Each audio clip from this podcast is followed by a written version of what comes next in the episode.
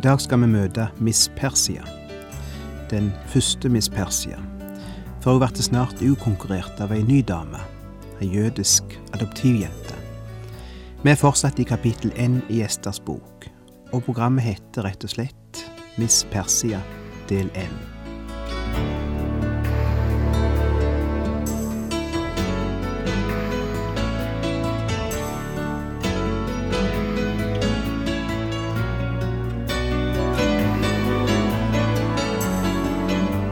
Hjertelig velkommen til et nytt program i serien Vindu mot livet. Vindu mot livet er basert på programserien Insight for Living ved Chuck Svindal. Programmet er produsert av Kristen Riksradio og blir ledet av Ola Bjoland.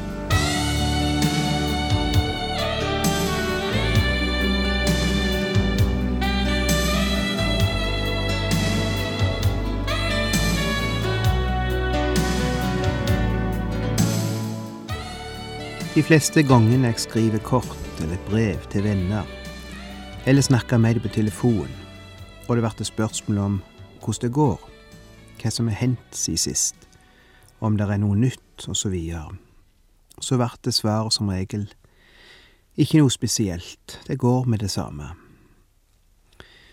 Og det kunne visst stande på de aller fleste sidene i dagboka mi.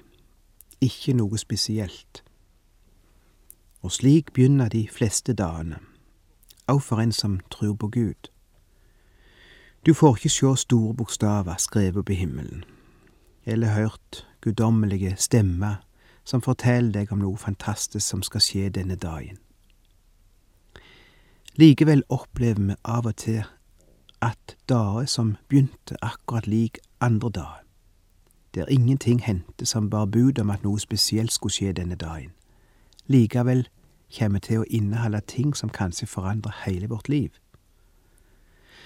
Det begynte som en heilt vanlig dag, men før kvelden var kommet, hadde der hendt ting som kanskje snudde opp ned på hverdagen din.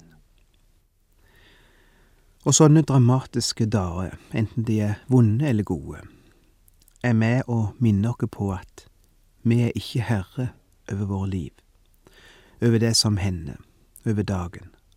Vi vet svært lite, og vi kan ofte gjøre svært lite når skjebnen, eller Gud, eller hva du vil kalle det, bestemmer seg for å bryte opp de planene og det skjemaet du hadde sett for dagen. Og for oss som tror på Gud, og som har lagt våre liv i og våre dager i Hans hender, tror vi at Gud er den som styrer våre dager, og det som skjer i våre liv og han velger av og til å bryte med våre planer. På dager som begynner akkurat likt andre dager, kan han plutselig bryte inn når vi minst hadde venta det, og gjøre de annerledes. La ting skje som vi i vår vidleste fantasi ikke hadde venta. Slik er Gud. Det er slik vi lærer han å kjenne gjennom både Det gamle og Det nye testamentet. Hvem i landet Judea hadde trodd eller tenkt at et lite baden skulle verte født i en stall i Betlehem denne julenatta? Og før dagen var over, skulle det skje noe som skulle forandre hele historien. Eller den morgenen han vart oppreist ifra de døde. Ingen, ikke engang hans nærmeste, hadde gjort rekning med det. Hans kropp hadde blitt lagt i ei grav. Grava var forsegla med det romerske seil, og soldater sto vakt, så ingen skulle røre grava eller plyndre den. Vakt 24 timer i døgnet. Men før sola hadde stått opp, var grava tom. Og historien tok en ny og dramatisk vending. Slik styrer Gud historien. Og en dag vil han gripe inn igjen, på en like dramatisk måte og like uventa, når Jesus kommer tilbake til jorda. Skolebarn vil pakke nista og ranselen og spasere av gårde til skolen, som på en hvilken som helst vanlig dag. Trafikken vil sige av gårde på de store innfartsårene til byer og tettsteder. Folk på vei til jobb eller fra jobb. Forretningene vil verte åpna, og kundene vil strøyme inn. Dagsnytt vil fortelle om siste natts større eller mindre begivenhet, og værmeldingen vil spå regn eller sol eller lettskyet oppholdsvær. Plutselig vil himmelen verte splitta, og rundt omkring på kyrkjegardene vil det skje merkelige ting. Graver vil verte åpna, og døde kropper vil verte levende. Og vi vil verte vitne til historiens største slektsstevne, der generasjoner vil møtes igjen der de som trodde på Jesus vil bli samla og få sine kropper igjen, og verte samla i et nytt og annerledes land. Og ingen vil vite på forhånd når alt dette skjer. Det vil komme like uventa på de fleste som Jesu oppstandelse kom, eller hans fødsel. Og hvis vi ser på Det gamle testamentet, så er det fullt av slike dager. Tenk på den dagen det tok til å regne, og de som hadde ledd og spotta i årevis over Noah sin sinnssyke, sitt sinnssyke prosjekt med å bygge verdens største livbåt midt i ørkenen. De måtte stå til knes i vann og sjå at båten letta ifra grunnen, mens de sjøl etter hvert vart togne av de store vannmassene som velta ned ifra fjellsidene. Eller hva med den dagen den 80-årige gjeteren sto overfor en brennende tårnebusk som ikke ville brenne opp? Og etter 40 år i ørken og ensomhet var han overbevist om at han aldri mer ville høre Guds stemme, og slett ikke få kall til å begynne i hans tjeneste igjen, etter at han, etter hadde svikta og feila første gangen. Hvem skulle trodd at Gud, 40 år etterpå, på nytt skulle tale til Moses og be han om å lede det store Exodus. Eller hva med en annen gjeter, ukjent og unge, som en heilt vanlig dag vart oppsøkt ute i Judeørkenen med beskjeden David, profeten Samuel vil snakke med deg. Og før dagen var omme, hadde han fått vite at han skulle verte den neste konge i Israel. Teologen og forkynneren F.B. Meyer har sagt det så fint. Gjør deg klar for Guds inngripen. Plutselig står han der, i en hyrdes hytte, eller i en håndverkers verksted. Plutselig blir din hverdag forandret ved at Gud griper inn i ditt liv og viser deg sin vei. Noen får plutselig et kall en beskjed om noe Gud vil du skal gjøre. Noen får plutselig beskjed om ditt liv er snart slutt nå. Er det ikke slik det er? Så dramatisk og så uforutsigbart er livet. Men òg slike ting begynner som regel som en vanlig dag, med et lett og likegyldig morgengjesp. Akkurat som historien begynner, som vi skal sjå på nå, ifra Esters bok, kapittel 1 og vers 1. Det som her skal fortelles, skjedde i Xerxes dager. Det var den Xerxes som hersket over 127 provinser, fra India til Nubia. Enda en konge er innsett. Enda et rike har oppstått. Enda et år er begynt. Enda en dag er runden. Enda et selskap vert planlagt i kongens slott. Men dette selskapet skal vise seg å bli annerledes, og denne dagen skal vise seg å verte den dagen Gud griper inn og lar hendelsene og historien tjene hans sak og hans plan. På den tid kong Serkses satt på tronen i borgen Susa, holdt han i sitt tredje regjeringsår et gjestebud for alle sine stormenn og embetsmenn. Hærførerne i Persia og Media, adelsmennene og styresmennene i provinsene var samlet hos ham. I lang tid, 180 dager i alt, lot han dem se sin kongelige herlighet og rikdom, og den glans og prakt som fulgte med hans høye stilling. Det var for så vidt ikke noe uvanlig med fester og banketter på et slott. Det er standard prosedyre i det miljøet og på det nivået. Men denne banketten var likevel litt annerledes.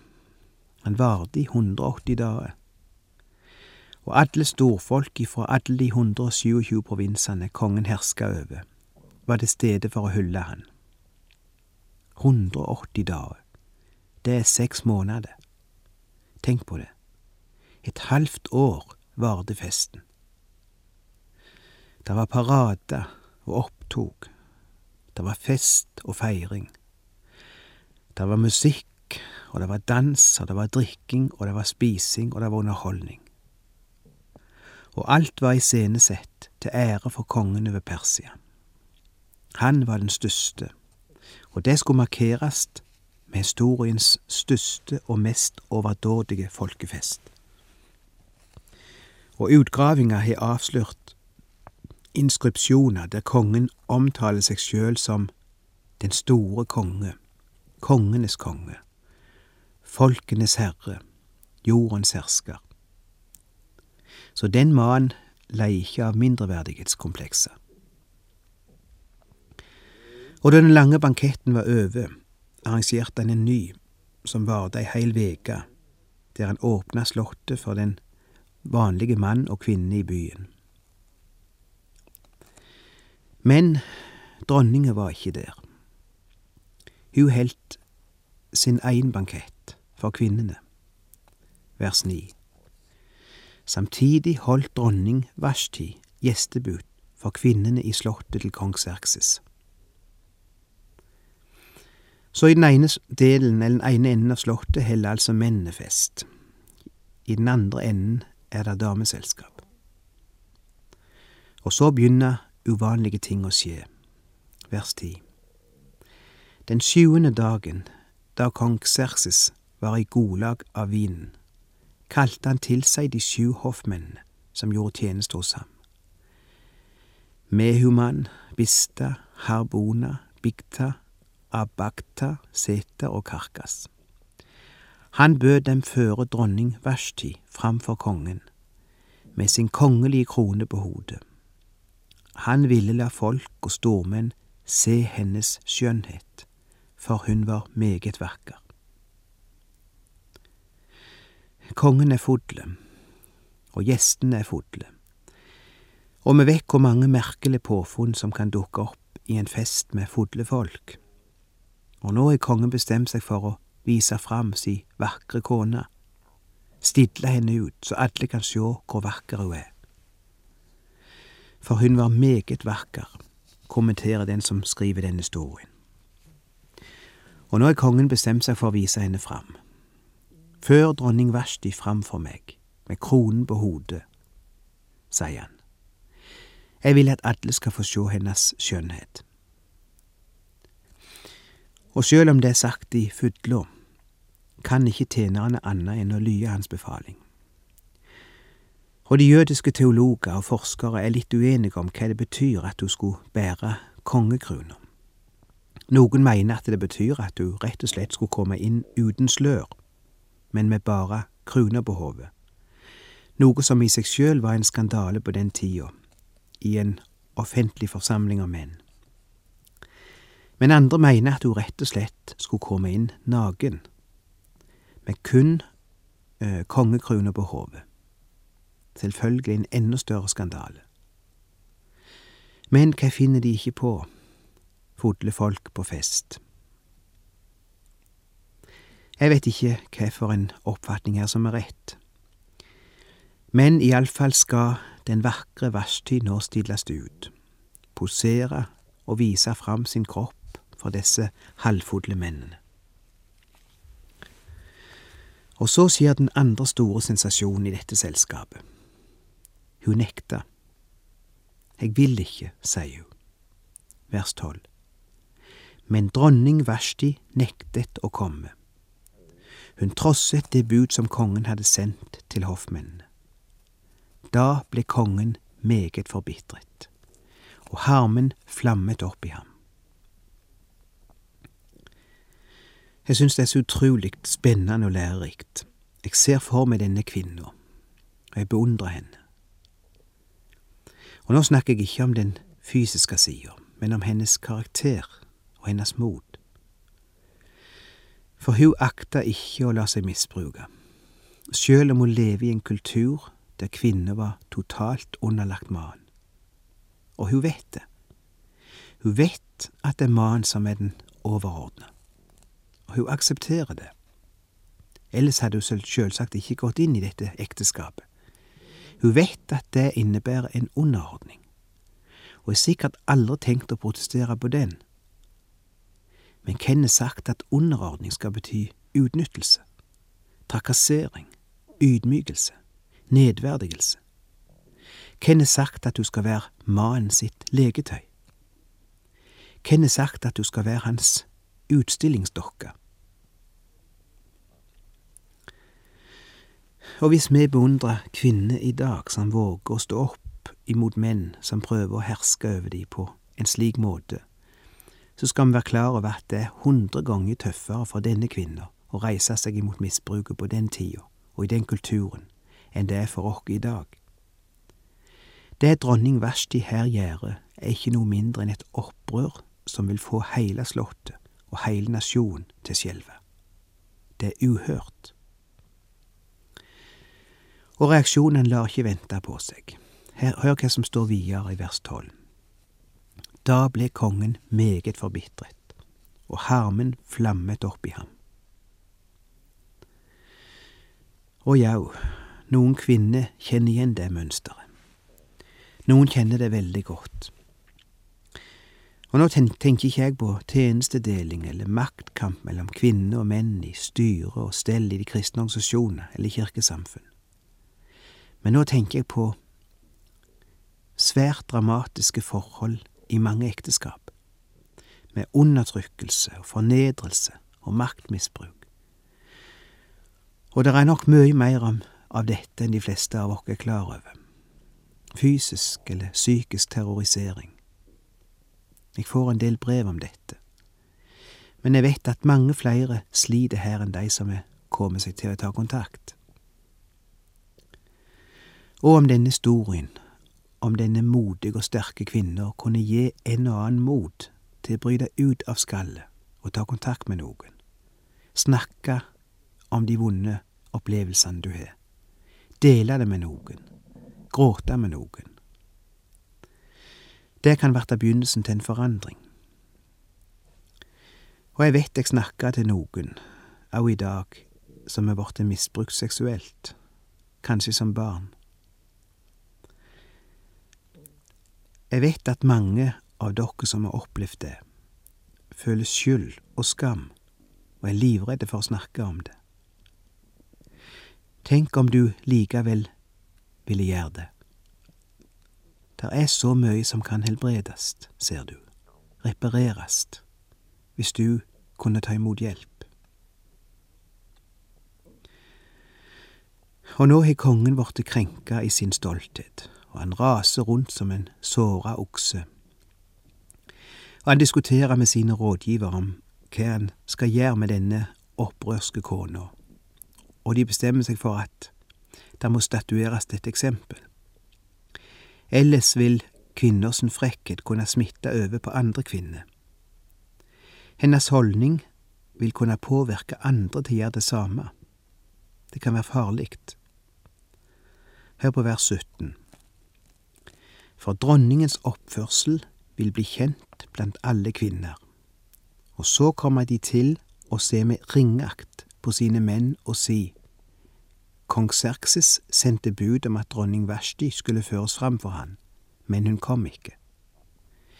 Ja, alt i dag vil stormennenes hustruer i Persia og media tale slik til alle kongens stormenn, når de får høre hvordan dronningen har båret seg att og det vil bli nok av forakt og vrede.